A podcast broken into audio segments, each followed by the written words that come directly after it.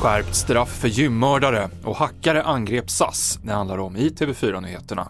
Ja, hovrätten skärper straffet mot en 17-årig pojke för mordet på Delta Gym i Stockholm i fjol. Enligt polis och åklagare var pojken på jakt efter en man med gängkopplingar, men sköt istället en man i 55-årsåldern till döds. Pojken döms nu även för mordförsök mot det tilltänkta offret och han får fyra års sluten ungdomsvård. Skogsbranden i Finspångs kommun är nu under kontroll, uppger polisen. Fyra helikoptrar vattenbombade under släckningsarbetet och man tror att det var ett fordon som någon tänt eld på som startade branden. Under morgonen så har SAS hemsidor i Norge, Danmark och Sverige legat nere. En hackergrupp uppger på Twitter att man har attackerat företagets hemsidor och kräver 10 miljoner dollar.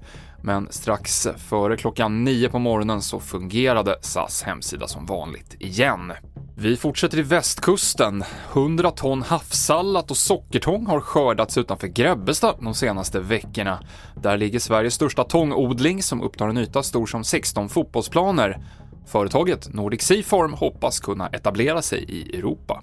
Så att, eh, det här är väl starten på eh, någonting stort där vi både skapar jobb och arbetstillfällen eh, och eh, användningsområden för tången. Eh, där mat är det första och största prioriteten för oss. Första prioriteten, men inte den enda. Framöver kan alger användas för att tillverka bioplast, kosmetika eller djurfoder. Och kanske för att rensa upp i haven. Alger tar nämligen upp ämnen i vattnet runt om som fosfor och kväve. På så sätt rensas havet på skadliga ämnen när man sedan skördar algerna. Reporter Karl Tolin. Och i den japanska kuststaden Ako har myndigheterna utökat förberedelserna inför en eventuell jordbävning eller annan naturkatastrof. The Guardian rapporterar att det i stan nu finns flera automater som erbjuder gratis mat och dryck vid jordbävningar.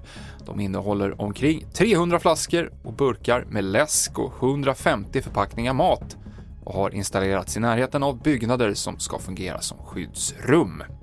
Det avslutar TV4-nyheterna med Mikael Klintevall.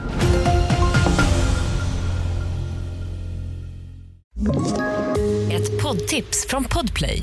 I fallen jag aldrig glömmer djupdyker Hasse Aro i arbetet bakom några av Sveriges mest uppseendeväckande brottsutredningar går vi in med hemlig telefonavlyssning och, och då upplever vi att vi får en total förändring av hans beteende. Vad är det som händer nu? Vem är det som läcker? Och så säger han att jag är kriminell, jag har varit kriminell i hela mitt liv men att mörda ett barn, där går min gräns. Nya säsongen av Fallen jag aldrig glömmer på Podplay.